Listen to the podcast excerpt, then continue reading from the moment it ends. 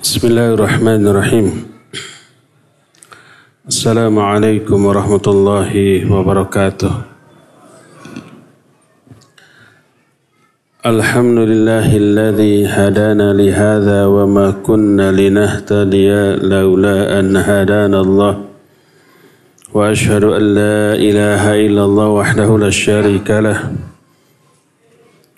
وأشهد أن محمدا عبده ورسوله. صلى الله عليه وعلى آله وأصحابه وسلم تسليما مزيدا وبعد Hadirin jamaah Masjid Raya Cipaganti Bandung yang Allah muliakan Para pendengar Radio Al-Bayan Cianjur Radio Tarbiyah Sunnah Bandung Radio dan TV RBK Kebumen Radio 1 di Lombok. Pendengar Radio Suara Kolbu Jayapura Irian Jaya. Pendengar radio Amuba Pangkal Pinang, radio Hidayah di Pekanbaru, uh, pemirsa Surau TV, pemirsa Asil TV Pekanbaru, pemirsa Aila TV dan pemirsa Ahsan TV di mana saja Anda berada dan mungkin ada radio dan TV lain yang ikut menyiarkan kajian kita ini di mana saja Anda berada. Alhamdulillah pagi ini kita kembali berjumpa. Bahasan kita sudah sampai pada buah dari mengenal Allah melalui asma dan sifatnya. Dan salah satu buah dari mengenal Allah adalah berdoa. Orang yang mengenal Allah dengan pengenalan yang mendalam, pasti dia akan memperbanyak doa kepada Allah. Karena dia tahu Allah sangat suka dimintai dengan doa dan Allah murka kalau kita tidak pernah berdoa. Salah satu di antara sifat Allah adalah Rahman dan Rahim. Bukan salah satu, tapi salah dua. Dua di antara sifat Allah. Rahman dan Rahim. Makna Rahman adalah idha su'ila a'tah. Makna Rahman adalah sifat yang bila dia diminta dia akan memberi. Dan rahim wa idza lam yus'al yaghlab rahim itu sifat yang bila tidak diminta dia akan murka. Jadi rahman itu bila diminta ridho dan memberi. Rahim itu bila tidak diminta dia marah terus Allah mah berehan deh. Berehan itu apa? Suka ngasih. Disebut dengan sebutan Al-Wahhab. Wahhab itu maha pemberi. Dari banyak, dari banyak sifat Allah. Di antara beberapa sifat Allah mengisyaratkan Allah itu suka memberi, Allah itu suka diminta, Allah itu kalau diminta pasti ngasih dan kalau tidak diminta dia akan murka dan akan marah. Siapa pun muslim yang mengenal sifat-sifat Allah seperti itu pasti dia akan banyak meminta kepada Allah.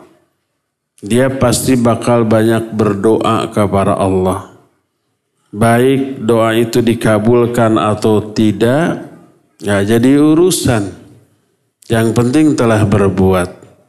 Hasilnya diserahkan kepada Allah dan hasil dari doa itu real, nyata, pasti, saciduh, metu, saucap, nyata. Walaupun tidak selalu berupa dikabulkannya doa itu. hasil dari doa tidak selalu berupa dikabulkannya doa tapi diganti dengan yang lain sebagaimana sabda Nabi Shallallahu alaihi wasallam beliau bersabda ma min muslimin yad'u bida'watin laisa fiha ithmun wala qati'atur rahim illa a'tahu Allahu biha ihdath thalath Tak ada seorang pun muslim yang berdoa dengan satu doa di dalam doanya itu tidak ada berisi dosa, tidak dalam rangka memutuskan silaturahmi. Maka siapa orang yang berdoa maka Allah akan memberi satu di antara tiga kemungkinan. Pertama adalah imma antu anjala lahu da'watuhu. Pertama doanya disegerakan dikabulkan. Ini kemungkinan pertama tuh. Kemungkinan kedua wa imma ayyudakhirahallahu lahu fil akhirah. Kemungkinan kedua ditabung ditunda untuk di akhirat nanti. Ketiga wa imma ayusarrafa anhu mithluha Ketiga, akan dipalingkan dari dia keburukan yang sebanding dengan doa yang dimintanya. Tadinya Allah sudah akan memberikan musibah kepada dia berupa keburukan. Keburukan makna buruk di sini buruk menurut kacamata orang yang mengalaminya. Tadinya sudah ditakdirkan begitu. Tapi karena berdoa Allah palingkan dia dari keburukan tersebut. Ya. Maka tiga kemungkinan yang Allah berikan kepada orang yang berdoa. Yang pertama mungkin dikabulkan dengan segera di dunia ini cepat atau lambat. Yang kedua ditabung nanti di akhirat. Kemungkinan yang ketiga dibatalkannya, dipalingkannya takdir buruk yang tadinya akan diberikan kepada dia. Dan ini merupakan jawaban atas pertanyaan yang sering terlontar. Apakah doa dan ikhtiar bisa merubah takdir? Kan gitu ya pertanyaan itu. Dan itu sering dijawab. Jawabannya iya atau tidak dua-duanya. Iya karena ada hadis yang seperti itu di antaranya ini. Yang kedua tidak karena takdir Allah itu ajali dan tidak bisa dirubah. Apakah dua-duanya bertolak belakang? Tidak, tidak bertolak belakang tapi saling mendukung, saling merinci. Gimana rincian dari penjelasan dua hal tadi, rinciannya adalah semua yang Allah tetapkan sejak ajali 50 ribu tahun sebelum Allah menciptakan langit dan bumi, takdir yang akan terjadi sudah apa? Sudah dicatatkan. Kita pernah membahas, nanti akan dibahas lagi dalam bab takdir. Pencatatan takdir itu ada lima jenis ya. Salah satunya adalah takdir ajali. Takdir ajali itu sejak awal sebelum penciptaan langit dan bumi takdirnya semuanya sudah ditetapkan oleh Allah Azza wa Jalla. Ayatnya jelas. Di antaranya Surah Al-Hadid 22 dan 23 ma asaba min musibatin fil ardi wala fi anfusikum illa fi kitabin min qabli an nabra'aha inna dzalika yasir Tidak ada satupun kejadian yang terjadi di muka bumi atau yang menimpa diri kalian Kecuali semua itu sudah dituliskan di dalam sebuah kitab. Lahul Mahfud maksud kitab ini. Sebelum kami menciptakan alam jagat raya ini. Ketika menerangkan ayat ini Nabi bersabda, kata beliau, Inna allaha khalaqal khalqa wa qaddara maqadirahu min qabli an yakhluqas samawati wal ard bi khamsina alfasana. Allah telah menciptakan seluruh makhluk. Dan Allah telah menetapkan takdir-takdir setiap makhluk 50 ribu tahun sebelum Allah menciptakan alam jagat raya ini. Sebelum menciptakan langit dan bumi ini. Takdirnya dulu sudah ditetapkan. Ya, secara rinci. Dan salah satu yang ditetapkan berupa takdir oleh Allah adalah doa dan ikhtiar yang dilakukan oleh manusia. Ikhtiar kita, doa kita adalah hal yang sudah Allah takdirkan. Jadi uh, awalnya Allah mentakdirkan seseorang itu ya miskin ya bodoh. Allah takdirkan dia untuk berdoa dan berusaha. Belajar, bekerja keras, berdoa gitu. Allah mudahkan semua usahanya. Lalu Allah rubah keadaannya. Allah berubah nasibnya. Jadi pinter dan jadi kaya raya. Itulah takdir dia. Dan salah satu takdirnya adalah doa dan ikhtiar. Doa dan ikhtiar salah satu penyebab berubahnya keadaan seseorang. Itulah yang disebut, yang dimaksud dengan bahwa ikhtiar dan doa itu bisa merubah takdir maknanya merubah perjalanan takdir orang tersebut. Asalnya begini, terus dia ditakdirkan berdoa, ditakdirkan berusaha, ditakdirkan kerja keras, ditakdirkan belajar, lalu berubah. Itu semua takdir Allah Subhanahu wa taala. Nah, Rasul Shallallahu Alaihi Wasallam menyatakan bila seorang Muslim berdoa ada tiga kemungkinan yang Allah berikan kepada orang itu. Pertama, disegerakan dikabulkan. Kedua, kalau nggak dikabulkan di dunia, ditunda nanti di akhirat. Minimal doa itu dikabulkan atau tidak dapat pahala. Berdoa itu dikabulkan atau tidak itu bernilai ibadah kepada Allah Azza wa Jalla menggugurkan dosa menambah pahala. Kenapa doa menggugurkan dosa?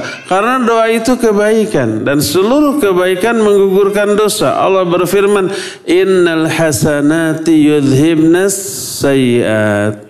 Sesungguhnya kebaikan-kebaikan itu menghapus kesalahan-kesalahan menghapus dosa-dosa. Jangan dikira kita ke sini itu nggak menghapus dosa, menghapus dosa. Duduknya kita di sini menghapus dosa. Loh. Pertama ini adalah kebaikan. Kedua di dalam pengajian ini ada penderitaan. Antum menderita nggak sekarang? Iya, cangkel, kesel, pegel, haredang, bayeng yang kan gitu ya. Kemudian ini Cangkeng terasa panas, bujur terasa panas, nahan kantuk yang luar biasa. Sepanjang pengajian disindir terus sama ustadznya. Para ustadz tidak tidak bermaksud nyindir, kenal gentenya. Nah seperti itu, cuma banyak yang kena mungkin gitu. Itu penderitaan semuanya menggugurkan dosa.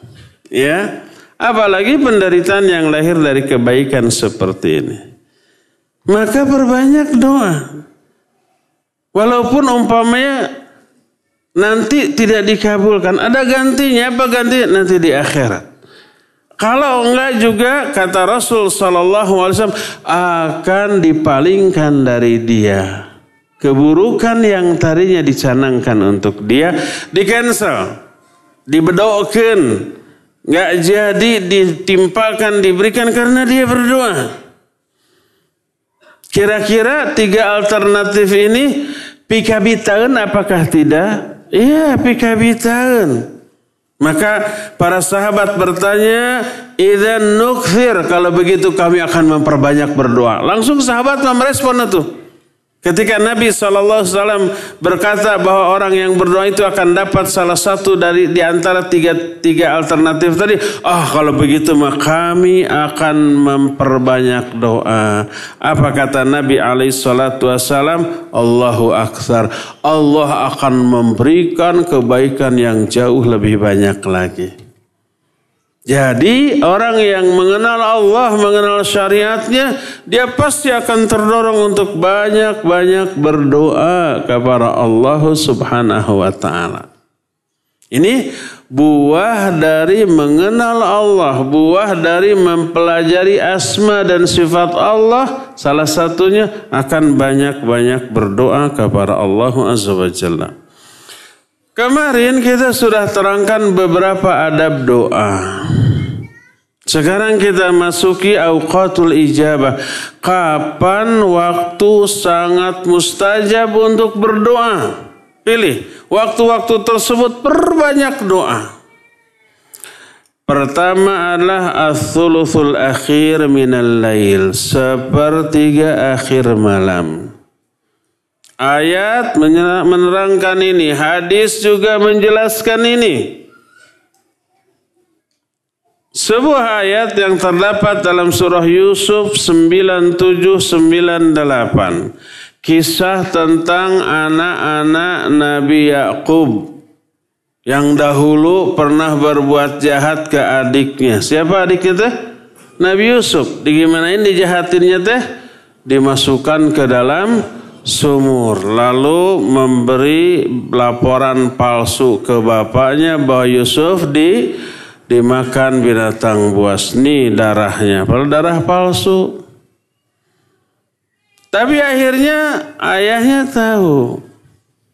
Mereka sadar dan mereka tobat Allah menyatakan qalu ya abana istaghfir lana dhunubana inna kunna khatiin. Wahai bapak kami mohonkan ampunan untuk kami atas dosa-dosa kami. Kami ngaku salah. Ayahnya walaupun tahu anak-anaknya berbuat jahat ada peribahasa sagalak-galak macan moal ngahakan anakna. Segalak-galaknya macan dia tidak akan memakan anaknya sendiri. Akhirnya kata ayahnya, Qal saufa astaghfiru lakum rabbi innahu huwal ghafurur rahim.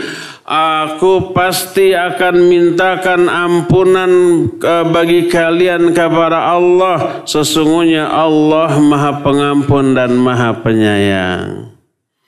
Dalam ayat ini Nabi Yakub mengatakan saufa astaghfirulakum rabbi. Pakai saufa. Saufa ini maknanya akan tapi nggak segera nanti. Kecuali kalau pakai sa. Uh, umpamanya Sa'astaghfiru lakum rabbi. Aku akan memintakan kalau pakai sa segera. Pokpek kata orang Sunda namanya. Pokpek itu apa? Begitu pok setelahnya langsung pek. Nah itu. Simple bahasa Sunda namanya pokpek, geksor, dugsek. Seperti itu tak? Ya. Dan itu tidak ada dalam bahasa lain. Pelajarilah bahasa Sunda. Terutama kalau kita hidup di Bandung. Terutama kalau ngajinya ke orang Sunda. Bahkan bakal banyak kata-kata Sunda yang keluar. Nah ini di sini memakai kata-kata saufa. Saufa itu akan pasti, tapi nanti nggak segera, tidak pokpek tadi. Apa maknanya? Para ulama ahli tafsir menyatakan penggunaan saufa innahu akhara talabal istighfar ila thuluthil akhiri minal lail bahwa Nabi Yakub mengakhirkan menunda waktu minta ampunan untuk anak-anaknya ke sepertiga akhir malam. Jadi saat itu anak-anaknya mintanya di siang hari. Ampun wahai Bapak kami salah tolong mintakan ampunan kepada Allah. Itu di siang hari. Kata ayahnya, aku akan mintakan ampunan bagi kalian nanti. Ada nantinya, nanti itu maknanya nanti di sepertiga akhir malam. Bersabda Rasul alaihi salatu wassalam, "Yanzilu Rabbuna kulla lailatin ila sama'i dunya hina yabqa thuluthul akhiri minal lail." Rabb kita yaitu Allah turun ke langit dunia dengan turun yang hakiki, turun yang sebenarnya tapi laisa kamitslihi syai'un Turunnya Allah tidak sama dengan turunnya makhluk mana pun. Kalau saya lagi duduk di kursi kemudian turun dari kursi apa yang terjadi? Kursinya kosong kan gitu ya? Allah istiwa di atas arash. Setiap malam Allah uh, sepertiga akhir malam Allah turun ke langit dunia. Padahal se sepertiga akhir malam itu bergilir di setiap tempat di muka bumi ini ya. Sekarang di kita jam setengah sepuluh pagi. Ada nggak di belahan bumi lain yang sekarang sepertiga akhir malam? Ada. Mungkin di daerah sekarang di Saudi jam setengah enam. Sebelah sono Saudi pokoknya lah nggak tahu lah Haror ya mikir nage entah daerah mana ya. Ada yang sepertiga akhir malam ya. Ada yang sepertiga akhir malam. Di sebelah sono lagi mungkin di daerah Eropa ya. Di daerah Eropa ke sana sekarang sepertiga akhir malam. Kalau begitu Allah tidak pernah di aras. Kalau begitu Allah selamanya di langit dunia. Karena sepertiga akhir malam itu bergilir setiap waktu di setiap tempat. Apakah begitu? Itulah sifat makhluk. Kalau makhluk iya. Sifat Allah berbeda dengan sifat makhluk. Sehingga para ulama menyatakan yanzilu rabbuna kulla lailatin ila sama'id dunya. Terus disebut biduni ayyaj'ala arsyahu khalian minhu tanpa membuat di atas aras itu kosong dari diri Allah. Dan itulah sifat Allah subhanahu wa ta'ala yang unik. Mana unik berbeda dengan makhluknya. Laisa kamithlihi syai'un. Syai'un. Tidak ada sesuatu pun yang yang yang menyamainya. Tapi orang-orang sekarang ini banyak menggunakan akal royu. Mustahil Allah istiwa di atas arash. Karena royunya min kalau Allah istiwa di atas aras berarti menempati aras. Berarti Allah butuh makhluk. Itu kan royunya yang min ya. Kedua, kalau begitu aras lebih besar daripada Allah. Kan gitu ya. Kalau begitu, kalau suatu saat arasnya hancur, Allahnya jatuh. Berdasarkan Royu-royunya semua itu ditolak. Enggak, Allah enggak istiwa di atas ars. Ayat-ayat Allah tentang hal itu ditolak, ditakwil oleh otaknya. Karena apa? Karena dia menyamakan sifat istiwanya Allah di atas aras dengan istiwanya makhluk di atas makhluk lain. Otaknya yang menyamakan itu akhirnya rentetan yang tadi itu muncul dalam pikirannya akhirnya nggak mungkin Allah ditolak. Allah istiwanya Allah di atas aras ditolak. Itu royunya yang main. Padahal dengan royu lagi juga itu mah dibantah. Kalau umpamai sesuatu berada di atas yang lain. Apakah sesuatu yang di atas itu menempati yang di bawahnya? Tidak. Lampu berada di atas meja. Apakah nempel di atas meja? Tidak. Apakah membutuhkan meja? Tidak kan digantung tak ini. Ini lampu ini ada di atas kita semua. Apakah berarti lampu ini nempel di kepala kita? Tidak. Kalau umpah kitanya jatuh, lampunya jatuh? Tidak juga. Realita, logika sudah membantah hal itu. Apalagi Allah. Allah itu bainun min khalqih, terpisah dari makhluknya, tidak menempel di atas arasnya. Apa pun yang terjadi pada diri aras nggak ngaruh apa pun kepada Allah Azza wa Jalla. Allah istiwa di atas aras dan setiap sepertiga akhir malam Allah turun ke langit dunia dengan turun yang hakiki tapi cara hakikat kaifiat turunnya laisa kamitslihi syai'un. Tidak ada yang menyerupai. Kalau umpah istiwanya aras di Allah di atas aras ditolak karena royu, dia juga harus menolak sifat melihat Allah, sifat mendengar Allah kan gitu. Allah sami dan basir. Manusia sami dan basir apa tidak? Sami basir. Kata siapa? Kata Allah dalam Al-Quran. Wa ja'alnahu sami'am basira. Surah Al-Insan. Inna khalaqnal insan. Ya, kami apa telah me, me, me, menciptakan manusia. Padahal tadinya tidak ada. Terus telah diadakan Waja'alnahu sami'an basiro. Kami jadikan manusia sami'an basiro. Mendengar, melihat. Inna allaha kana sami'an basiro. Sungguhnya Allah sami'an basiro. Sama melihat, sama mendengarnya. Tapi yang beda apa? Hakikat dan kaifiatnya. Keadaan cara melihat Allah berbeda dengan cara melihat kita. Keadaan dan cara mendengar Allah beda dengan cara melihat dan mendengarnya kita. Itu Allah istiwa di atas aras. Istiwanya Allah di atas aras berbeda dengan istiwanya makhluk di atas makhluk lain. Jadi kalau umpah, oh, kalau Allah mendengar, Allah melihat sama dong dengan makhluk. Akhirnya diingkari, Allah tidak melihat, Allah tidak mendengar. Apakah kalau diingkari, Allah tidak melihat, Allah tidak mendengar, tidak disamakan dengan makhluk? Tetap sama. Ada nggak makhluk yang tidak mendengar, tidak melihat? Banyak, bahkan lebih hina daripada yang melihat dan mendengar. Tiang ini tidak melihat, tidak mendengar. Meja ini tidak melihat, tidak mendengar. Kalau Allah dikatakan tidak melihat, tidak mendengar dengan asumsi kalau melihat mendengar sama dengan makhluk, lalu dikatakan Allah tidak melihat, tidak mendengar sama dengan makhluk juga ya. Karena banyak makhluk yang tidak melihat, tidak mendengar.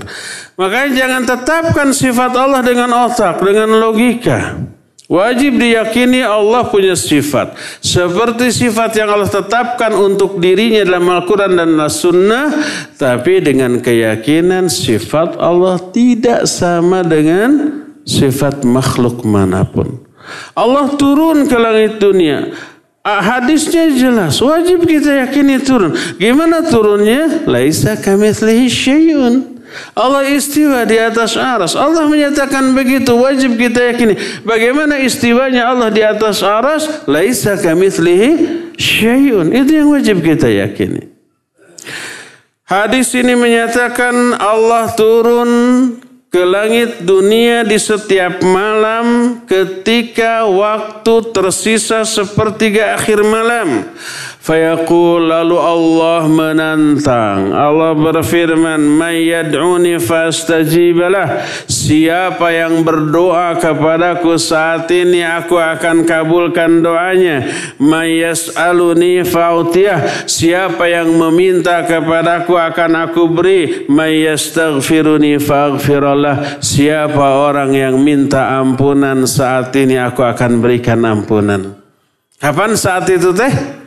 Sepertiga akhir malam. Bangunlah sepertiga akhir malam dan berdoalah kepada Allah. Itu saat yang sangat mustajab untuk berdoa. Itu pertama. Kedua, ketika sujud. Tapi sujudnya sujud di dalam sholat, bukan di luar sholat. Karena itulah momen terdekat seorang hamba dengan Allah yaitu pada waktu sholat. Baik sholatnya dalam keadaan berdiri, dalam keadaan ruku, dalam keadaan duduk, dalam keadaan sujud itu lebih dekat kepada Allah dibanding di luar sholat. Tapi di antara gerakan sholat, momen yang paling dekat seseorang dengan Allah adalah ketika sujud. Saya tanya, Lebih dekat mana orang berdiri di dalam sholat dengan sujud tapi di luar sholat? Berdiri dalam sholat lebih dekat kepada Allah dibanding sujud tapi di luar sholat. Makanya tidak disyariatkan berdoa dalam keadaan sujud di luar sholat. Kan ada orang ya setelah sholat beres, Assalamualaikum, Assalamualaikum. Dia wirid, pas beres wirid mau berdoa, dia sujud. Sujudnya di luar sholat. Keliru. Di luar sholat mah silakan angkat tangan. Di dalam momen-momen yang umum. Tidak di setiap momen. Ya. Silakan karena mengangkat tangan termasuk salah satu adab berdoa yang menyebabkan kemungkinan dikabulkannya doa lebih besar daripada tidak mengangkat tangan kecuali di momen-momen tertentu ya. Nah jadi di dalam sujud ketika sholat baik sholat fardu ataupun sholat sunnah perbanyak doa. Berkata Nabi Shallallahu Alaihi Wasallam, Nuhitu an aqra al-Quran raqiyan aw sajidan. Fa'amma ruku fa'adhimu fihi rabb wa amma sujud fajtahidu fihi bid-du'a fa innahu qaminun ayustajaba lakum. Kata Nabi Ali salatu wassalam, aku dilarang membaca Al-Quran dalam keadaan ruku ataupun sujud. Siapa yang melarang beliau? Allah. Allah melarang beliau. Untuk membaca Al-Quran ketika ruku dan sujud di dalam sholat. Kita sudah jelaskan alasannya. Karena ruku dan sujud adalah momen ketika seseorang merendahkan diri di hadapan Allah. Menghinakan diri di hadapan Allah. Saking menghinakan dirinya kita bungkukan badan kita. Bahkan kita simpen kepala dan wajah yang selama ini kita anggap mulia, terhormat, agung kita simpan di tempat yang paling bawah. Dan ketika kita menghinakan diri sambil ruku kepada Allah, kita agungkan Allah ketika itu dibacalah Subhana Rabbiyal Azim. Subhana Maha Suci Engkau ya Allah. Maha Suci dari kehinaan, dari kerendahan. Maha suci, saya rendah. Saya hina. Allah enggak hina. Allah suci dari kehinaan itu. Subhana maha suci. Rabbi Rabbku al-azim yang maha agung. Kita menghinakan diri, kita agungkan Allah di momen itu. Pas itu doa dengan gerakan. Ketika sujud, kita merendahkan diri. Lalu ketika kita merendahkan diri, Allah uh, kita tinggikan Allah. Allah nggak rendah. Makanya kita ingkari dengan tasbih subhana ma suci engkau ya Allah. Suci dari kerendahan. Dari kerendahan. Lalu kita sebut Allah yang maha tinggi Rabbiyal A'la. Kita rendah Allah tertinggi. Nah, maka momen ketika kita menghinakan diri, merendahkan diri, Al-Quran kalamullah yang agung jangan dibawa-bawa ke sana.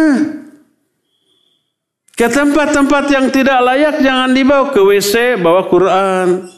Ke WC sambil ngeden sambil murojaah. Nggak boleh. Karena nggak pantas Al-Quran yang agung dibawa ke tempat yang seperti itu. Bahkan ketika ruku, ketika sujud. Tidak boleh membawa Al-Quran ke sana. Tidak boleh membaca Al-Quran di momen itu. Karena itulah momen ketika kita merendahkan diri, menghinakan diri di hadapan Allah.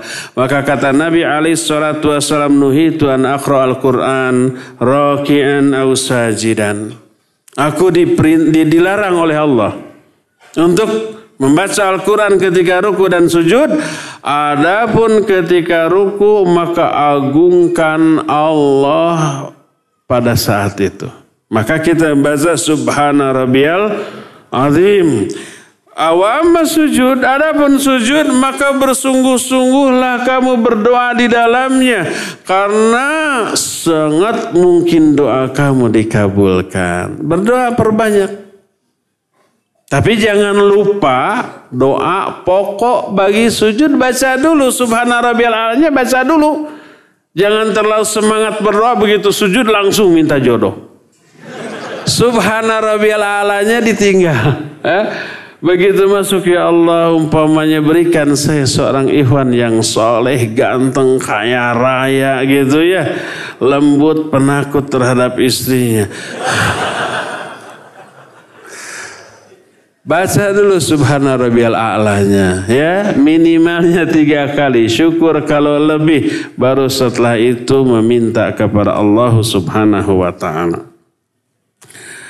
Allah pun berfirman dalam surah Al-Alaq terakhir 19 wasjud waqtarib sujudlah kamu dan mendekatlah kamu makna mendekat ini gunakan mumin kedekatan kamu ketika sujud kepada Allah untuk berdoa Berkata Nabi SAW, Aqrabu ma yakunul amdu min rabbi, wa huwa sajid fa'akthiru fihi du'a.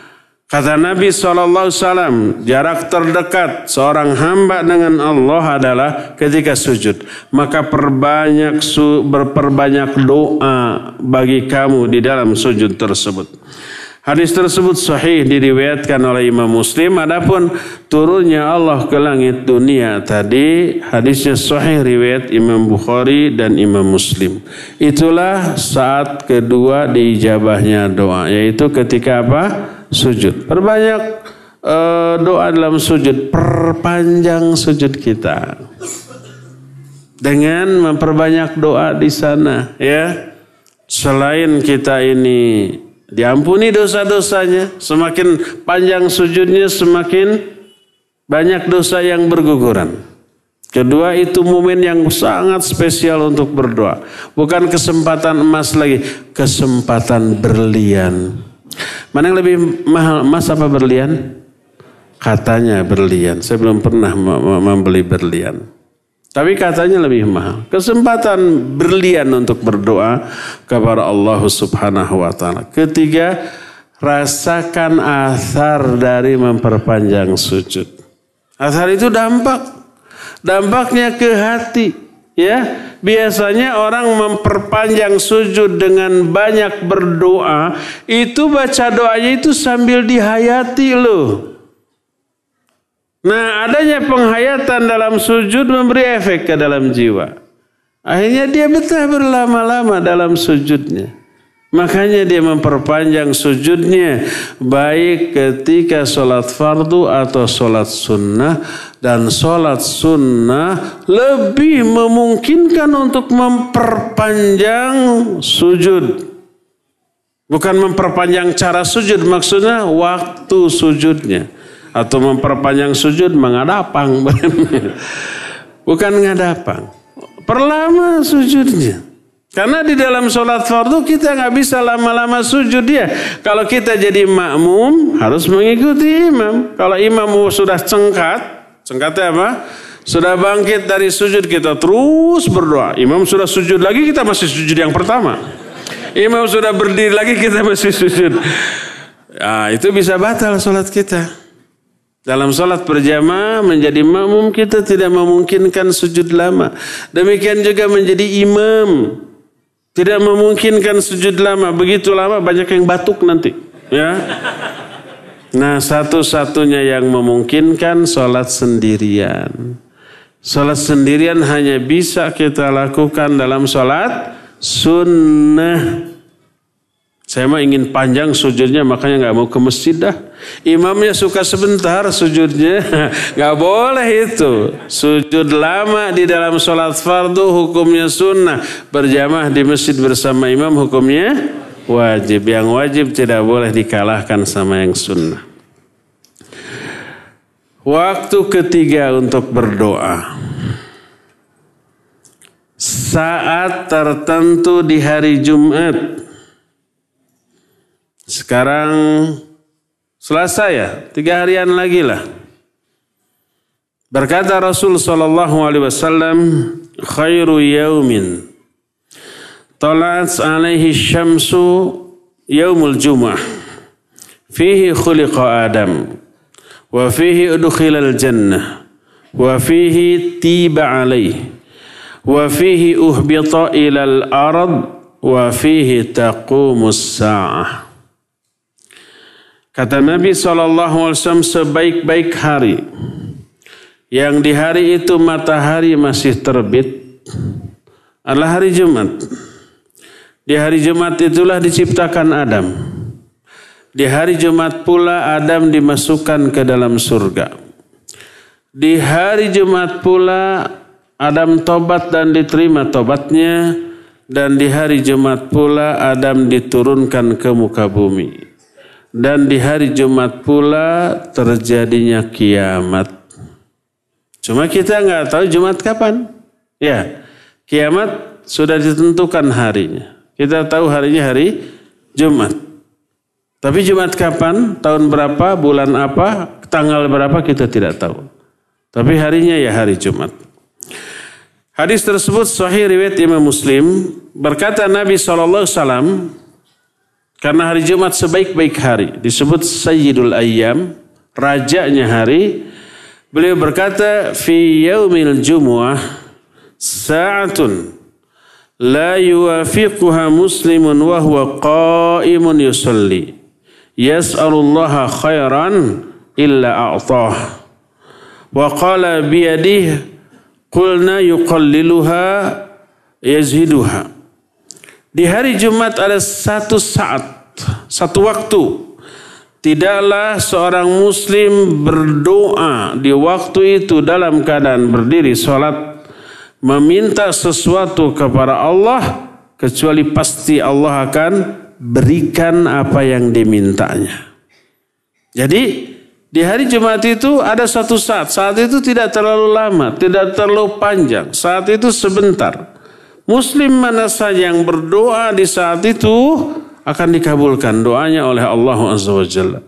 Jadi kalau Ikhwan mau memiliki keinginan berdoa kepada Allah, berdoa di hari Jumat, ya. Kapan hari Jumat itu? Para ulama kemudian ikhtilaf tentang hal ini, ya. Sebagian ulama ada yang menyatakan itu ketika matahari terbit. Sebagian lagi menyatakan ketika matahari zawal. Zawal itu tergelincir mulai dari tengah-tengah. Uh, matahari di tengah terus mau belok ke arah barat. Nah itu yang disebut dengan zawal. Ya. Yang lainnya ketika mengat, ketika azan Jumat berkumandang. Yang lain lagi mengatakan ketika imam naik mimbar dan memulai khutbahnya Lalu ada lagi ulama yang menyatakan ketika manusia berangkat ke tempat sholat untuk untuk menunaikan sholat Jumat. Dan banyak lagi pendapat. Tapi mayoritas ulama menyatakan bahwa saat mustajab tersebut adalah ba'da sholat asar. Dan itulah waktu, pendapat yang lebih kuat, yang lebih rajih ditunjang dengan adanya hadis Nabi Shallallahu Alaihi Wasallam. Hadis ini sahih diriwayatkan oleh Imam Abu Daud dan Imam An Nasai dalam kitab Sunannya, Sunan Abu Daud dan Sunan An Nasai. Berkata Nabi alaihi salatu wasallam, "Yaumul Jumu'ah sinta asyrata yuridu sa'ah la yujadu muslimun yas'alullaha ta'ala syai'an illa atahu Allah azza wa jalla faltamisuha akhir sa'atin ba'dal asr. Kata Nabi sallallahu alaihi wasallam, hari Jumat itu ada 12 bagian waktu. Maksudnya jam. 12 jam waktunya. Sejak mulai uh, hari Jumat itu diberlakukan Beliau menyatakan hari Jumat adalah 12 waktu. Tidak ada seorang pun muslim yang meminta kebaikan kepada Allah di saat itu kecuali Allah akan memberikan apa yang dia minta. Cari oleh kalian waktu tersebut di akhir waktu ba'dal asar. Antara asar sampai maghrib. Di akhir waktu, perbanyak asar sampai maghrib berdoa kepada Allah Azza wa Jalla pada waktu Jumat. Dan itulah saat yang dimaksud di dalam hadis tadi. Ya, setiap hari Jumat pada asar, coba antum banyak-banyak berdoa kepada Allah Azza wa Jalla. Kita setiap pada asar setiap hari Jumat ada kajiannya. Ya, se tapi kajiannya kan jam 4. Dari asar sampai 4 masih banyak waktu antum berdoa ya. Dan kajiannya sampai setengah enam. Dari setengah enam sampai maghrib ada setengah jam antum banyak berdoa ya. Selama kajian ingatkan saya Ustadz perbanyak doa di tengah-tengah kajian. Saya suka berdoa nggak di tengah-tengah kajian? Jawab betul. suka nggak? Kadang ya. Kadang lupa asik dengan materi ya. Tapi kalau keingetan seperti meminta husnul khatimah, minta dimasukkan ke dalam surga, minta diselamatkan dari api neraka. Kalau kita bahas ayat atau hadis tentang neraka, ya lalu ingat kita suka berdoa di tengah kajian ya. Ingatkan nanti setiap hari Jumat WA ke saya Ustadz perbanyak doa ya di tengah kajian gitu. Kadang-kadang suka lupa saya. Dan kalau saya lupa biasanya suka nggak ingat. Itulah yang ketiga. Keempat. Saat keempat adalah ba'da salat fardu. Setelah salat fardu salam kemudian wirid ba'da wirid yang disunnahkan ada doa. Silakan berdoa. Itu saat yang dikabulkan oleh Allah SWT berdasarkan nas hadis yang sahih tentang hal itu. Di antaranya berkata Rasulullah SAW dalam hadis yang diterima dari Abu Umamah radhiyallahu an. Qila li Rasulillah sallallahu alaihi wa alihi wasallam ayyu du'ai asma'. Ada orang yang bertanya kepada Rasulullah sallallahu alaihi wasallam, doa yang bagaimana yang lebih didengar oleh Allah? Mana didengar adalah dikabulkan. Seperti hadis bagaimana bacaan bangkit dari ruku? Sami Allahu liman hamidah. Apa arti sami Allah di sana? Ah, Allah mendengar orang-orang yang memujinya. Sami'a di sana adalah mengijabah. Sami Allahu liman hamidah. Karena adanya huruf huruf uh, yang disebut dengan kata bantu. Ila ahli bukan ila. Sami Allahu liman hamidah. Itu maknanya adalah mengabulkan doa kalau umpamanya tidak ada kata kerja kata kata bantu li umpamanya aku mendengar suaramu sami itu sautak. Tanpa ila tidak sami itu ila atau sami itu li sautik enggak? Tidak ada li atau para sahabat sami itu Rasulullah sallallahu alaihi wasallam. Aku mendengar Rasul sallallahu alaihi wasallam bersabda begini, sami itu langsung objeknya itu disebut tanpa li, tanpa ila. Tidak boleh orang mengatakan sami itu lin Nabi sallallahu alaihi wasallam. Aku mendengar Nabi berkata begitu enggak? Tatan apa dengan memakai li, tidak. Itu mana yang mendengar, mendengar ucapan. Tapi kalau mendengar dalam arti mengijabah, umpamanya ada orang meminta, saya dengar permintaan kamu. Makna saya dengar adalah saya akan penuhi permintaan kamu. Doa saya didengar. Apa makna didengar di sana? Dijabah, dikabulkan oleh Allah. Sami Allahu liman hamidah. Allah mendengar orang mujinya. Artinya Allah mengijabah. Orang yang berdoa, yang sebelum berdoa dia memuji dulu kepada Allah SWT.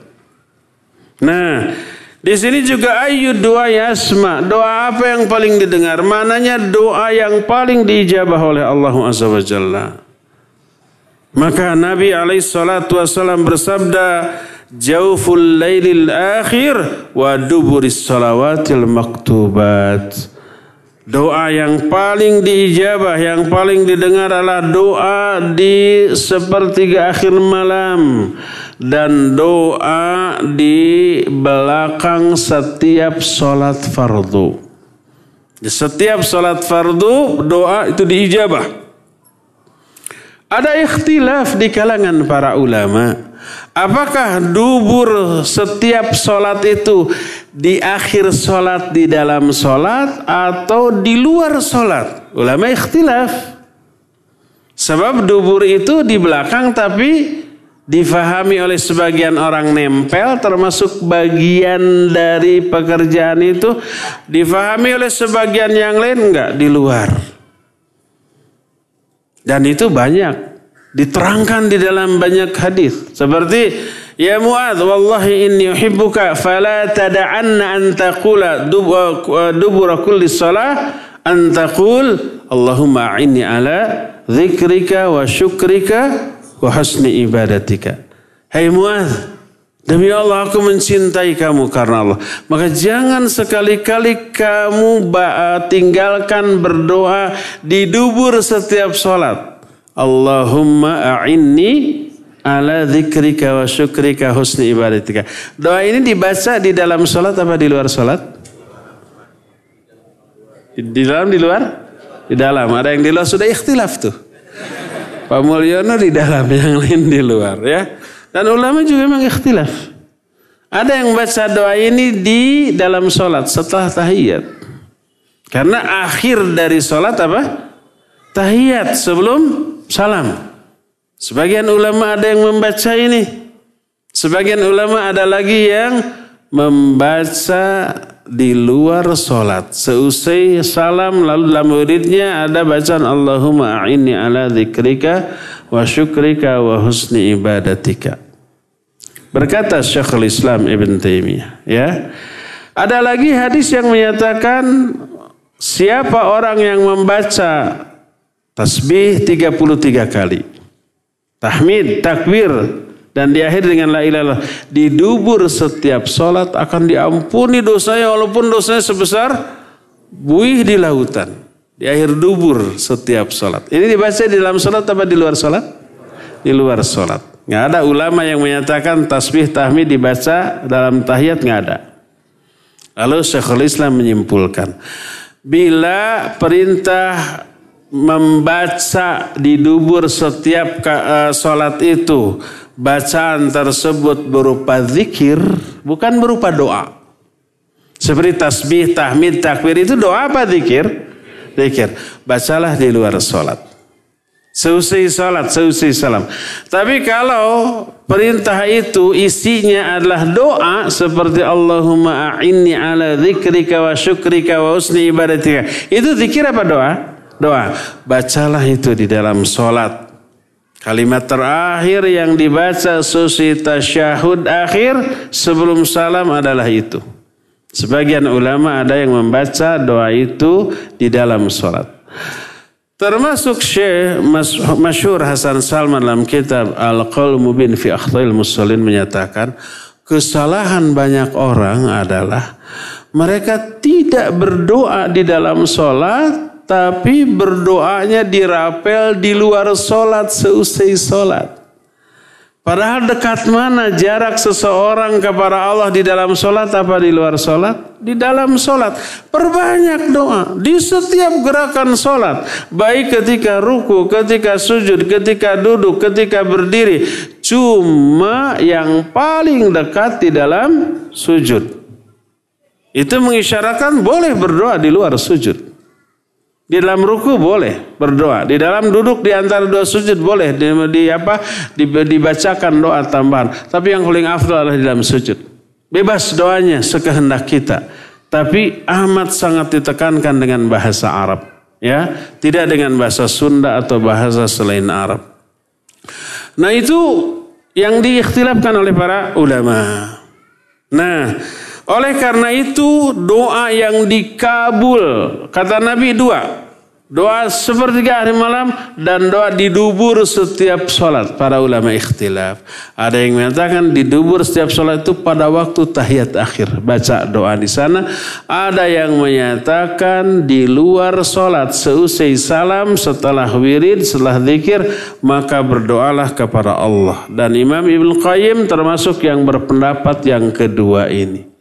Berdoalah ba'da sholat fardu kepada Allah. Karena doa saat itu dikabul oleh Allah subhanahu wa ta'ala. Itulah momen ke, keempat apa ketiga? Keempat momen yang diijabah untuk berdoa. Kelima, antara azan dan qomat. Setiap azan dan qomat ada dua amalan yang sangat dianjurkan. Pertama solat, solat sunnah. Kata Nabi SAW, Baina kulli adhanaini solat. Di setiap antara dua adhan ada solat. Maksud dua adhan di sana, adhan dan qamat. Silakan solat. Adhan maghrib, adhan isya, adhan subuh, adhan duhur, asar. Sebelum qamat silakan. Walaupun tidak ada qoblanya. Seperti asar. Tidak ada qobla. Seperti maghrib tidak ada qabla dengan makna rawatib. Tapi boleh silakan bagi yang mau. Seperti isya. Seantara adzan dan. Tidak ada qablanya. Silakan kita sholat. Berdasarkan keumuman hadis tadi. Salat mutlak silakan. Itu pertama, amalan pertama, amalan keduanya berdoa. Berkata Nabi alaihi salatu wasalam, la yuraddu du'a bainal adhan wal iqamah. Tidak akan ditolak doa antara adhan dan qamat. Nah, di sini riwayat Imam Abu Daud dan At-Tirmidzi dan disahihkan oleh Syekh Al-Albani dalam kitab Sahih Sunan Abu Daud dan Sahih Sunan At-Tirmidzi. Dalam hadis lain yang juga diriwayatkan oleh Imam Abu Daud dengan sanad yang sahih berkata Nabi alaihi salatu wasalam sintani la turaddani au qalla ma turaddani ad-du'a inda du'a inda nida. Dua doa yang tidak akan dikabul atau sangat jarang tidak dikabul alias lebih seringnya dikabul. Dua doa Pertama adalah doa seusai azan. Menjelang komat silakan. Dan yang keduanya adalah wa indal ba'as hina yulhamu ba'duhu ba'dha. Ketika ada di front, di medan perang, ketika dua pasukan sudah berhadap-hadapan. Itu berdoa kepada Allah nggak akan ditolak doa itu. Dikabul, ya. Yang ikhlas ketika musuh di hadapan pedang sudah siap. Berarti zaman bahula kan pakai pedang ya. Kalau zaman sekarang apa? Senapan. Silakan berdoa. Ya Allah ikhlaskan saya dalam jihad ini. Ingat. Kalau nggak ikhlas lalu syahid. Neraka itu ya. Mudah-mudahan ya sebelum perang ya. Saya video dulu tuh musuh. Hmm. Lalu di komen, lihat musuh di depan, tak ada gentar sedikit pun dalam diri saya. siap mati, Allahu Akbar, langsung dikirim. Dia upload, jigir-jigir, dar mati. Ria itu ya enggak? Ngapain dia upload mau jihad?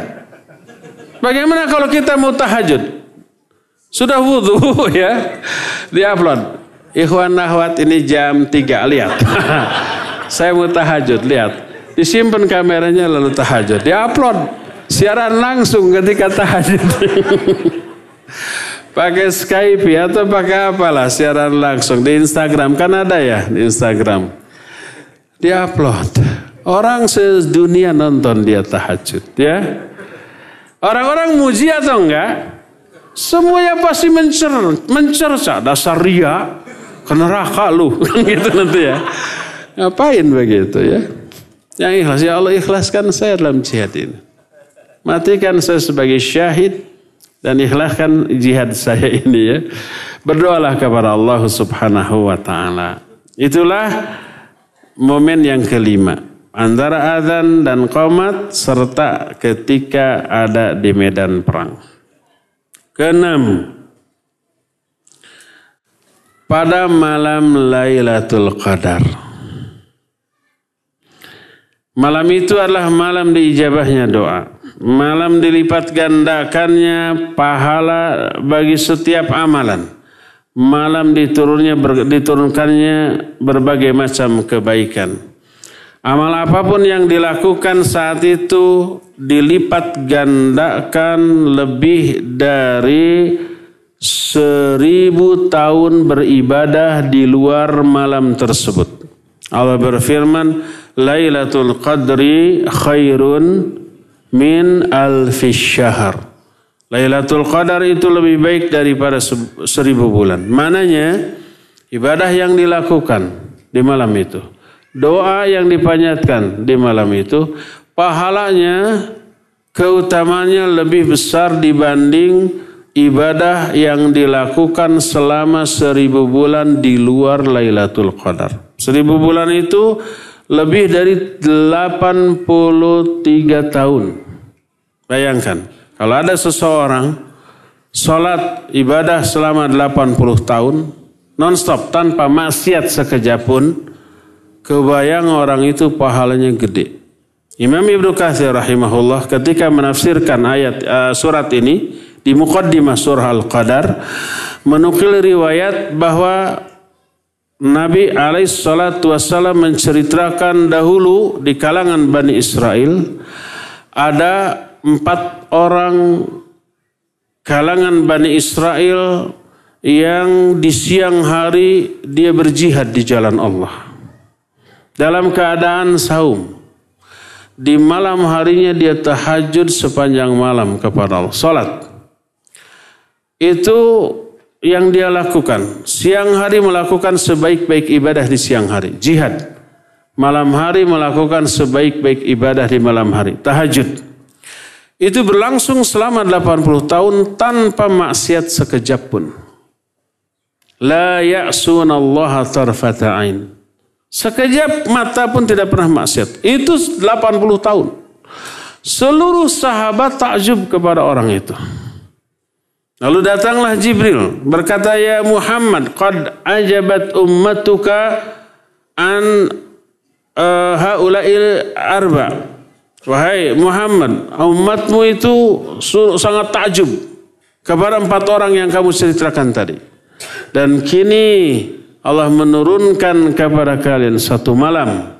Siapa orang yang beribadah di malam itu kepada Allah, maka pahalanya lebih besar daripada ibadah empat orang yang kamu ceritakan tadi. Zaman bahelamanya untuk dapat pahala banyak dan gede teh harus ibadah habis-habisan dalam rentang waktu yang Lama, bayangkan 8 tahun usia kita aja belum tentu segitu ya. Itu umat zaman dahulu untuk dapat pahala gede, berat dan waktunya lama. Untuk umat ini untuk memperoleh pahala gede cukup semalam. Itu pun sudah jarang yang mampu melakukannya.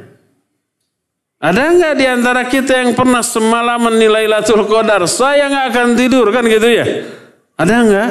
Enggak, ah sunnah iya lah. Kan begitu ya. Saya nggak dapat keutamaan Lailatul Qadar, tapi saya dapat keutamaan daurah. Kan begitu biasanya. Biasanya dalam la, la, apa 10 hari terakhir kita ikut daurah. Sudah tertutup tenang. Akhirnya tidak berusaha sungguh-sungguh. Ya. Itu hasutan syaitan laknatullahi alaih. Berdoalah di malam Lailatul Qadar maka malam itu adalah malam yang dikabulkan oleh Allah Azza wa Jalla. Itu poin yang keberapa? Keenam. Ketujuh. Kita lanjutkan bulan depan. Tahun depan katanya. Inilah uh, kajian terakhir di tahun ini untuk hari Selasa, Selasa yang akan datang ada uzur mungkin uh, ya Pak Mulyono silakan.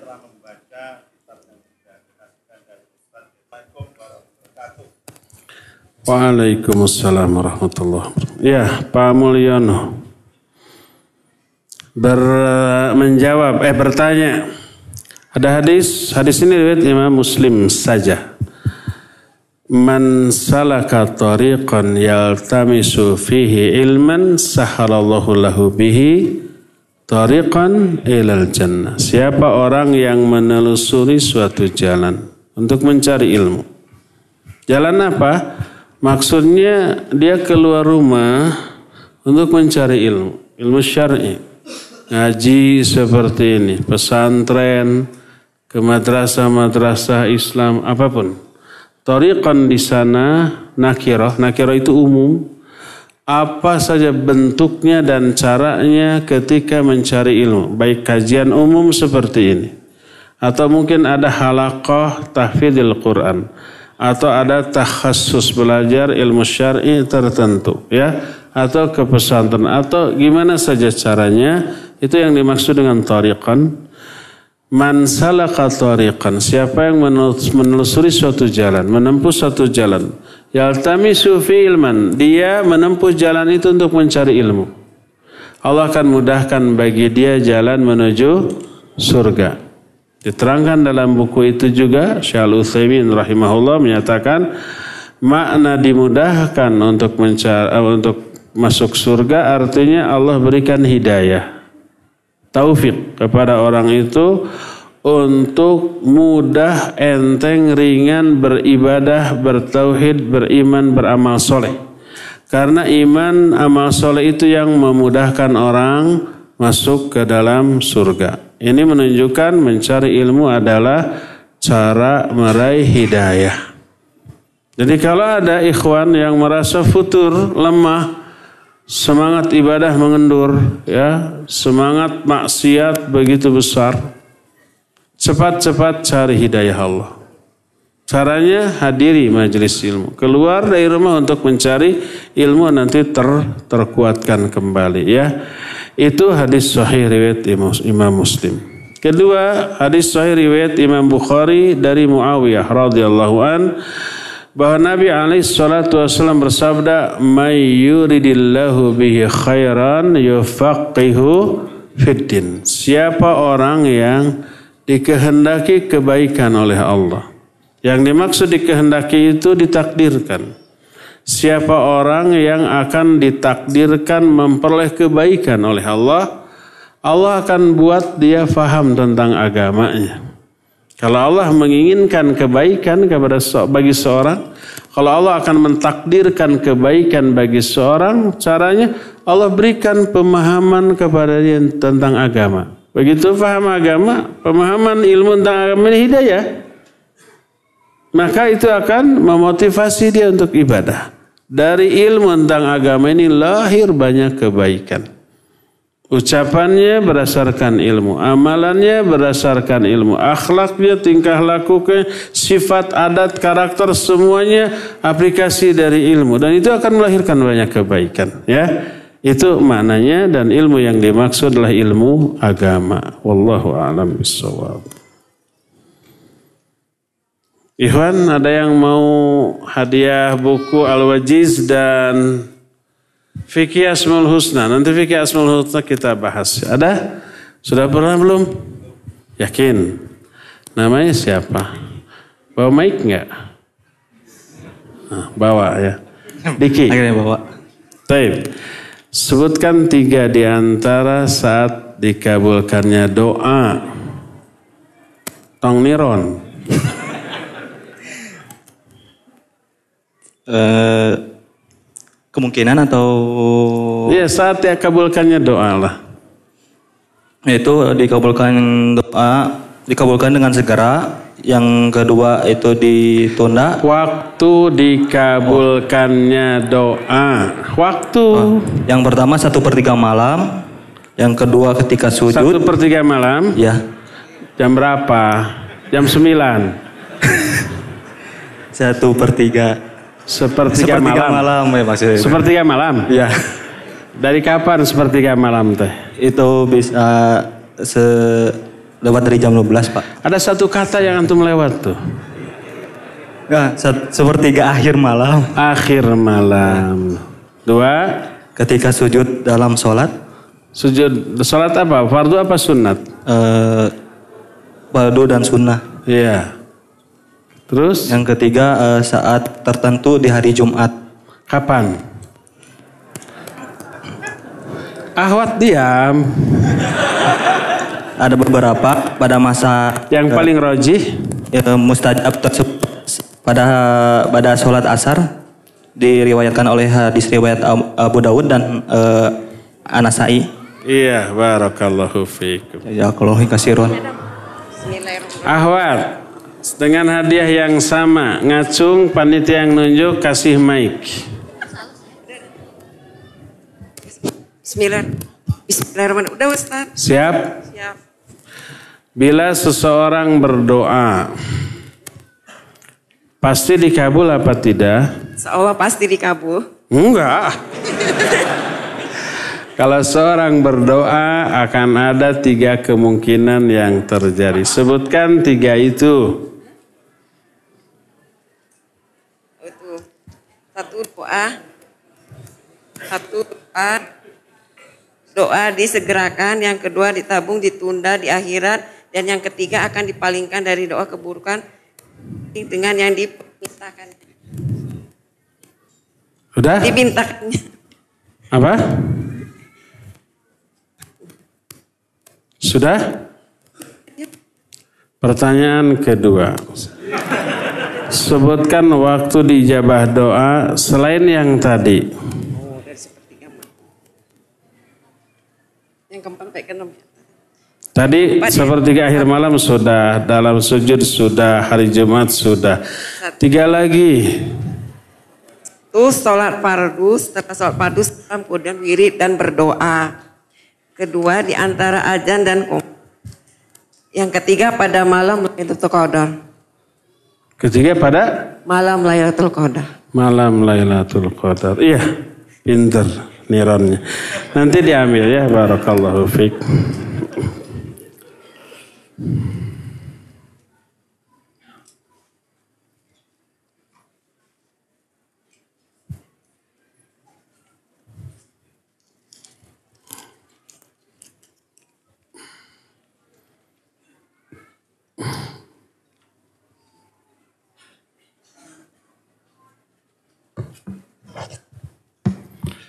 Bagaimana hukumnya akhwat yang menuntut ilmu di luar kota?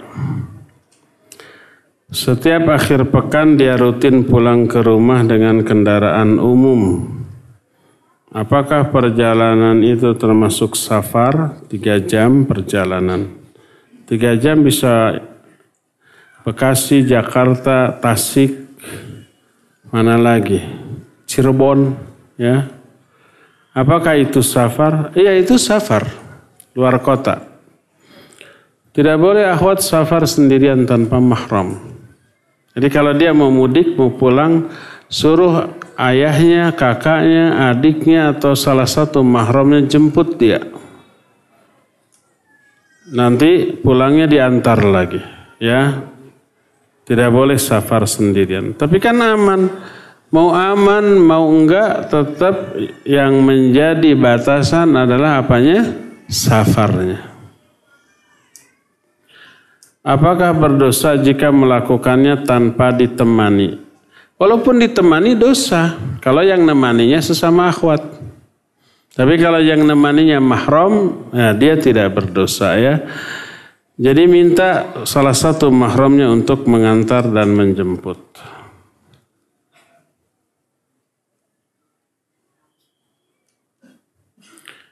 Afan, kalau gambar seperti di kertas ini apakah termasuk gambar yang diharamkan? Oh ini. Gambar apa ini ya? Panda ya? Panda makhluk hidup bukan? Dia hidup. Dia hidup atau tidak? Hidup. Ya kalau gambar panda makhluk hidup berarti hidup. Panda ya? Ya ada matanya, ada hidungnya, ini sempurna, jangan ya.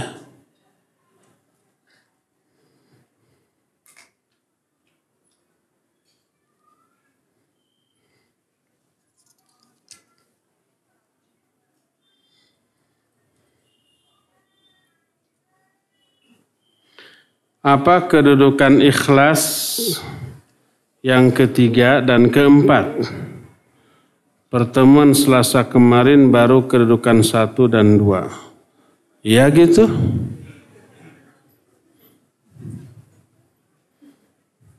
Mungkin nggak dengar kali udah sampai empat. Ya nanti kita ulang lagi tahun depan. Insya Allah. Ustaz, Ya. Apabila seseorang dalam sholatnya tidak dapat bersujud seperti seharusnya, yakni dahi menempel di tempat sujud karena sakit, apakah boleh berdoa saat waktu gerakan sujud salat walau sambil duduk di kursi atau telentang? Iya boleh. Karena ada uzur. Dia tidak mampu sujud dengan meletakkan wajah di tempat sujud. Dia hanya apa namanya duduk, sujudnya hanya menunduk semampu dia. Maka dihukumi sama dengan hukum sujud. Bacaannya baca sujud. Termasuk boleh menggunakan momen itu untuk berdoa di saat sujud. Sama hukumnya ya. Yang tidak boleh dia mampu sujud tapi tidak sujud karena harore malas ah sujud mah bisa hidung tarang. Ah, itu akhirnya dia nggak sujud tidak sah sholatnya. Karena dia mampu sujud tapi tidak mau sujud. Adapun yang tidak mampu sujud dia semampunya maka sah dan berlaku seluruh keutamaan dan ketentuan untuk sujud termasuk berlaku kebolehan berdoa di dalam sujud. Boleh nggak berdoa saja saat sujud sambil menangis? Iya, tergantung alasan menangisnya.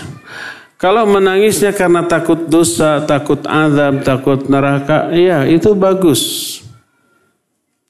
Berkata Nabi Shallallahu Alaihi Wasallam, la yadkhulul jan, la yadkhulun nar man baka min khasyatillah. Tidak akan masuk ke dalam neraka. Orang yang menangis karena takut kepada Allah. Jadi dia berdoa meminta ampunan di dalam sujudnya karena takut kepada Allah dia menangis ya itu bagus boleh. Kalau alasannya itu. Tapi kalau menangisnya itu karena ketika sujud dia teringat hinaan orang kepada dia. Dibayangkan ekspresi orang itu ketika menghina ketika mencibir, ketika mencela, nangis. Itu nangisnya karena khusyuk di dalam sholat atau karena ingat urusan dunia? Ingat urusan dunia. Kebayangkan ketika orang itu melotot gitu ya. Kebayang-bayang berarti dia ngelamun di dalam sholatnya.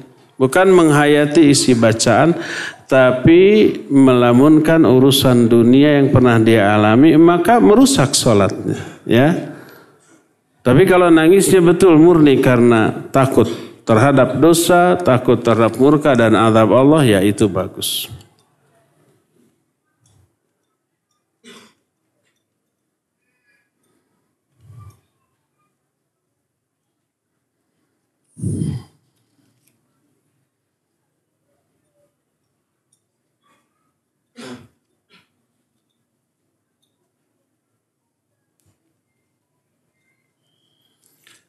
Ada buku hadiah kuis dari TSL. Ada pesertanya di sini atau semua peserta? TSL adalah Tarbiyah Sunnah Learning. Ada yang ikut mungkin di sini ya? E, buku hadiah kuis. Artinya saya harus ngasih pertanyaan dulu. Mana yang tadi Ivan? Saya harus ngasih pertanyaan atau langsung dibagi gratis? Kuis, ngasih pertanyaan. Uh, taib. Siapa aja atau khusus peserta TLS, Bapak TSL? Siapa aja? Taib. Ya, ini tentang uh, syarah al-usul thalathah yang kita bahas di TSL nanti dan ini juga kita bahas di pengajian hari Senin di radio jam 6 ya.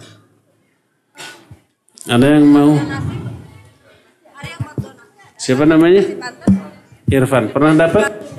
Belum. Taib.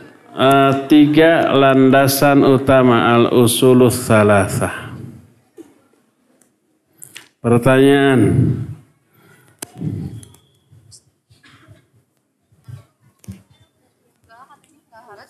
Sebutkan tiga jenis tauhid.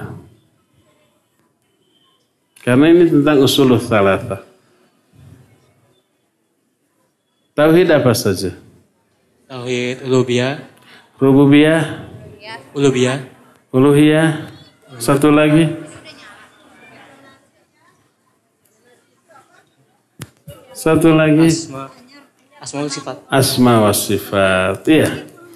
Tauhid ar-rububiyah, tauhid al-uluhiyah, tauhid asma wa sifat. Barakallahu fiik. Satu lagi untuk ahwat. Ahwat ada yang mau tarjamah kitab syarah usul thalathah.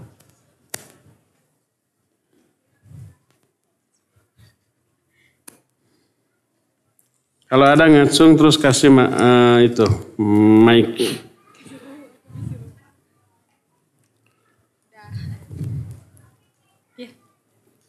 Udah, Siap? Belum? Siap? siap. Iya. Eh, Al-usul salasah tiga hal yang pokok. Bisa disebut tiga hal pokok dalam Islam itu apa saja?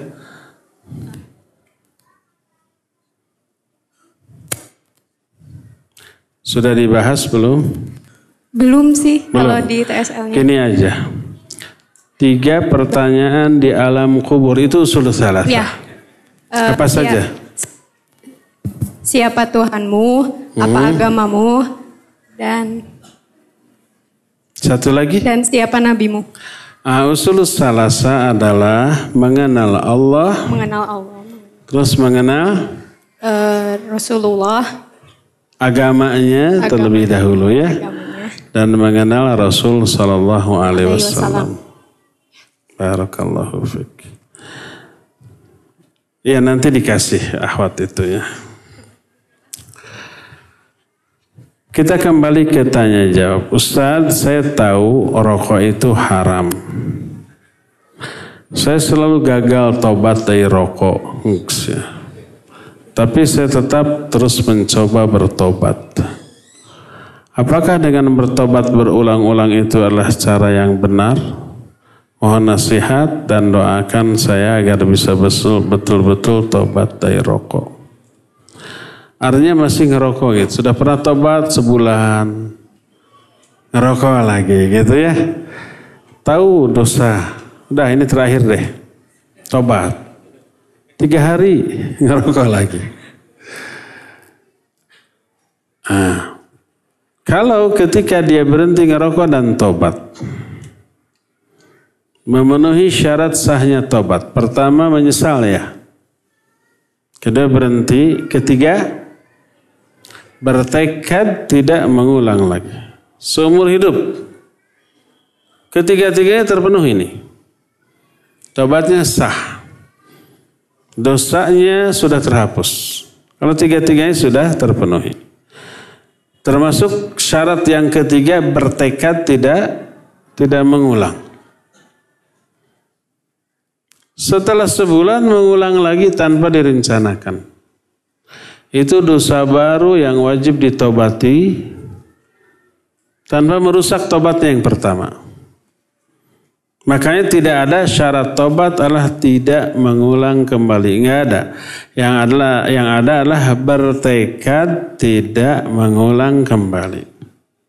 Kalau sudah bertekad tidak mengulang saat dia tobat ya, ternyata setahun kemudian terulang itu dosa baru. Karena tidak direncanakan kan. Tapi coba pelajari kenapa sampai terjerumus lagi. Oh mungkin karena gaul. Dia gaul kembali dengan kawan-kawan lama yang ngerokok. Ada reuni, reuni ya. Tahu bahwa itu para perokok, saya akan kuat lah. Eh sampai di sana ditawari, sakenyot lah sok. ya meren sakenyot mah muali terei dikeluarkan deui teu naon. Emang semua ngerokok tidak ada yang diterei ya. Ada nggak yang ngerokok telan nggak keluar lagi ada? Nggak ada, pasti dikeluarin lagi. Akhirnya terjerumus lagi. Sekenyot sudah berkenyot-kenyot. Ya. Didalili, itu sekenyot, sekenyot. Ya deh, mubadir. Kalau nggak dihabiskan mubadir. Innal mubadzirina kanu ikhwana syayatin. Dia didalili. Dosanya dua kali lipat. Dosa pertama melakukan yang haram, yang kedua menghalalkan dengan ayat ya, menggunakan ayat untuk menghalalkan sesuatu yang haram. Ya, dan itu dosa yang kedua itu mungkin bisa lebih besar daripada yang pertama. Berdasarkan hal itu maka perhatikan dengan siapa kita bergaul. Jangan ketemu lagi dengan kawan-kawan yang ngerokok. Hindarkan, hindarkan, hindarkan dan bergaulah dengan kawan-kawan yang tidak merokok. Ya. Jadi kalau penyebab terjerumusnya lagi itu karena gaul, perhatikan kawan bergaul. Hanya bergaul dengan orang-orang yang tidak merokok ya. Itu saja. Bagaimana caranya coba bayangkan kengerian efek dari rokok. Apa sih efek buruk dari rokok? Pertama, merokok adalah indikator ditolaknya seluruh ibadah kita. Bagaimana kalau orang-orang sudah sholat, beres sholat langsung nyolong, langsung nyopet. Nyopetnya itu sebagai tanda bahwa sholat tadi apa? Ditolak oleh Allah. Begitu beres sholat, umpama kita langsung mabuk. Mabuknya itu merupakan tanda bahwa sholatnya tadi itu ditolak. Begitu beres ngerokok, eh beres ngerokok, beres sholat, kita itu umpamanya memaki orang, menggibahi orang. Menggibahi orang seusai sholat menjadi tanda sholat tadi ditolak. Kenapa? Karena kalau sholatnya diterima Allah menyatakan inna sholata tanha anil fahsya'i wal munkar. Sholat itu mencegah seseorang dari perbuatan keji dan munkar. Itulah tujuan utama sholat. Kalau orang setelah sholat lalai kepada tujuan utama dari sholat yaitu tanha anil fahsyai wal munkar. Lalu selesai sholat dia berbuat keji, berbuat munkar, dia lalai dari tujuan sholatnya. Terkena dengan ancaman fawailul lil musallin alladzina hum an sholatihim sahun. Penggunaan kata-kata an dalam surah Al-Ma'un itu maknanya adalah lalai dari tujuan sholat seusai sholat. Selesai sholat dia berbuat keji lagi, berbuat mungkar lagi. Maka fawailu lil musallin. Ditolak sholatnya dan diadab. Tidak hanya sholat, juga saum. Nabi SAW bersabda, Man lam yada qawla zur wal amala bih, falaysa lillahi haja fi ayyada ta'amah wa syarabah. Siapa orang yang saumnya tidak disertai dengan meninggalkan ucapan dan perbuatan yang sia-sia. Yang sia-sia saja itu sudah indikasi. Apalagi yang madarat.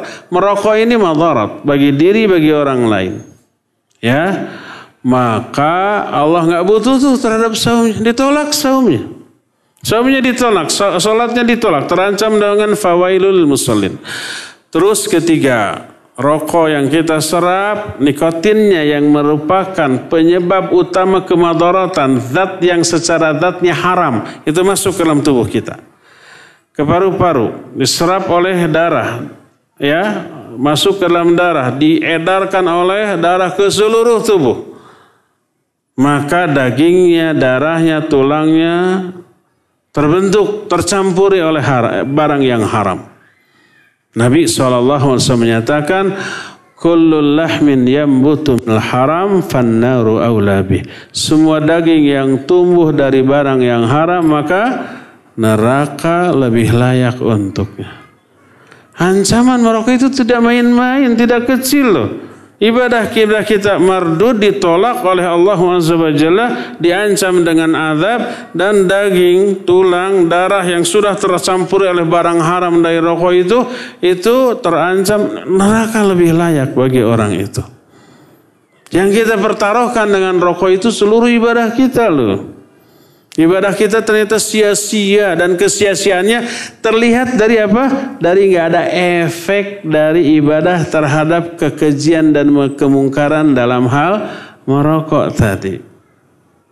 Maka bayangkan bahaya dan buruknya pengaruh rokok bagi agama kita, dunia kita sampai akhirat kita. Ini nggak main-main. Maka tidak ada alasan untuk melanjutkan. Hentikan segera, hentikan segera, hentikan segera. Dan itu jihad yang luar biasa. Karena kita tahu meninggalkan kebiasaan buruk itu tidak gampang. Meninggalkan kebiasaan mabuk, kebiasaan judi, kebiasaan zina, kebiasaan maling, kebiasaan merokok, kebiasaan semua kebiasaan buruk itu tidak mudah untuk diapakan? Ditinggalkan. Berat, secara psikis berat. Makanya nilai ibadah meninggalkan semua itu juga sesuatu yang agung dan besar di mata Allah Azza wa Jalla ya. Semoga si penanya tadi diberi hidayah oleh Allah untuk berhenti total dari merokok ya. Dan yang seperti si penanya. Mungkin itu mewakili beberapa orang yang ada di sini. Dalam doa bersama seperti syukuran atau lainnya, apa kita mengaminkan dan mengangkat tangan? Iya boleh. Kalau ada perkumpulan sifatnya insidental, tidak rutin. Reuni, ada rapat, musyawarah, itu sifatnya insidental. Tidak tertentu kapan waktunya. Lalu diakhiri oleh doa bersama dipimpin oleh imam, ya kita boleh mengangkat tangan mengaminkannya. Dan kalau kita diminta memimpin, pimpinlah ya. Silakan. Asal itu sifatnya apa? Insidental. Adapun kalau yang rutin seperti pengajian ini rutin, maka Nabi SAW tidak pernah menutup dengan doa bersama. Ustaz. Ya. Dari pendengar radio Al-Bayan Cianjur dari Madinah, Arab Saudi. Ustaz mau bertanya apakah mendengarkan ceramah lewat radio mendapat pahala juga? Iya, di Madinah melalui Al-Bayan Cianjur. Orang Madinah gitu ya teh. mungkin orang Sunda ya yang sekarang sedang di Madinah mungkin sedang umroh, mungkin jadi TKI, mungkin segala macam kemungkinan. Atau mungkin nikah dengan orang sana. Pertanyaannya apa tadi?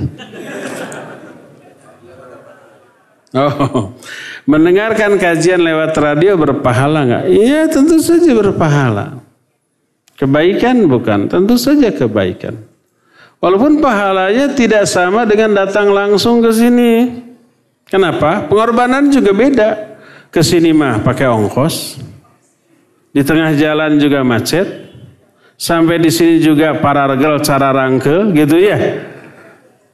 Dan seterusnya pengorbanannya beda tapi dapat pahala walaupun tidak sebanyak orang yang langsung hadir ke sini. Makanya kalau bisa dari Madinah hadir ke sini.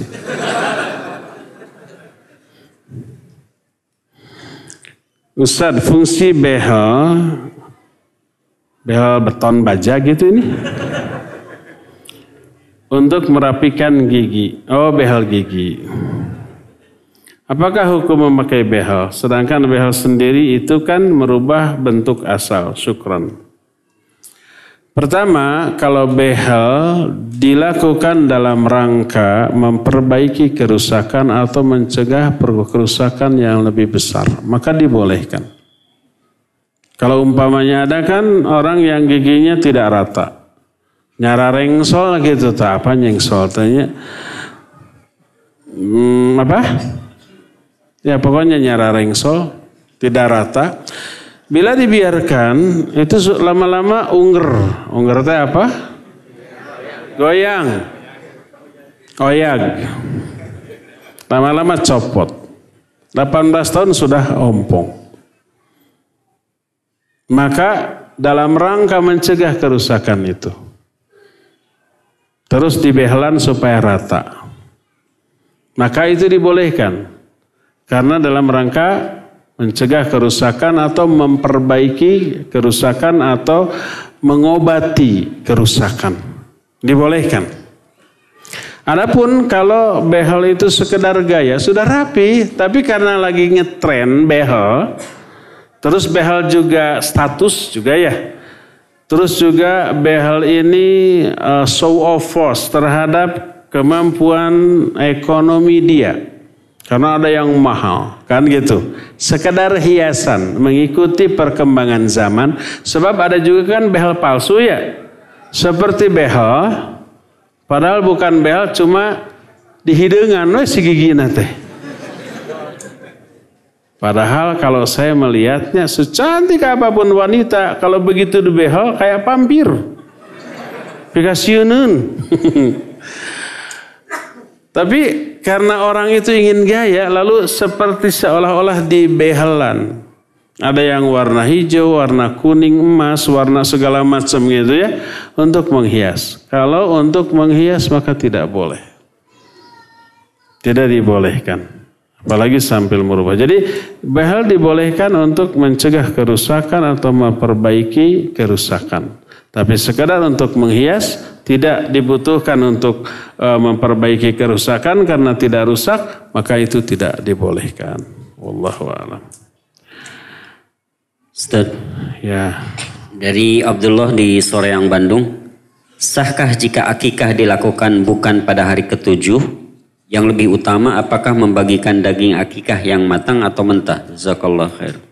Iya, barakallahu fik. Sebaik-baik akikah adalah hari ketujuh. Berdasarkan hadis sahih riwayat Imam Muslim, kullu gulamin rahinatun bi aqiqatihi tudbahu lisabihi wa yusamma fihi wa yuhlaqu ra'suh. Semua bayi lahir masih tergadai dengan akikahnya. Akikah itu disembelih hari ketujuh. Diberi nama di hari ketujuh itu dan dicukur rambutnya. Memberi nama dan mencukur rambutnya wajib. Menakikahkannya sunnah. Itu yang sahih riwayat Imam Muslim. Ada riwayat yang ke-14 dan ke-21 tapi dhaif. Dan tidak ada riwayat di luar itu. Ada riwayat Nabi Ali Shallallahu Wasallam mengakikahkan dirinya setelah beliau menjadi Nabi. Ulama ikhtilaf status kesahihan hadis ini. Sebagian ulama seperti Syekh Al-Albani menyatakan Hasan. Yang lainnya menyatakan dhaif bahkan la aslalahu. Dari sinilah maka sebagian orang menyatakan boleh mengakikahkan di luar hari ketujuh. Ikhtilaf terjadi karena ikhtilafnya di dalam menilai hadis yang tadi. Ya. Walhasil ini adalah masalah yang diikhtilafkan oleh para ulama. Kalau saya pribadi akan ambil yang hari ketujuh. Bila hari ketujuh sudah lewat maka sudah. Lewat itu karena tidak ada apa? Tidak tidak ada kemampuan. Nggak, belum ada uang, belum ada jangankan untuk beli kambing, untuk makan sehari-hari aja harus mikir. Apalagi beli kambing. Maka tidak mampu ya sudah. Pas mampunya itu setelah setahun kemudian maka kalau saya pribadi saya tidak akan akekah. Adapun yang tadi karena ketidakmampuan maka dimaklumi ma'zur karena ada uzur ya. Tapi kalau ada orang yang akekah setelah 40 tahun dia baru akekah. Berdasarkan hadis yang tadi lalu ngundang saya untuk makan kambing saya akan datang saya akan makan daging itu dan bila di di bahanan saya akan bawa ke rumah. Tahu di bahanan? di bahanan dibekelin gitu ya. Karena memang ulama ikhtilaf tentang masalah itu ya. Bagaimana baiknya akekah sama dengan e, boleh mentahnya seperti kurban dibagikan mentahnya. Saon ewang, dua on sewang gitu ya. Atau boleh juga dimasak mengundang orang ke rumah makan ya. Boleh juga memasak matangnya lalu dibagi-bagi ke orang. Semuanya dibolehkan wallahu alam bisawab. Terakhir ya. Terakhir, ini terlalu banyak pertanyaan jadi tidak kebaca semuanya.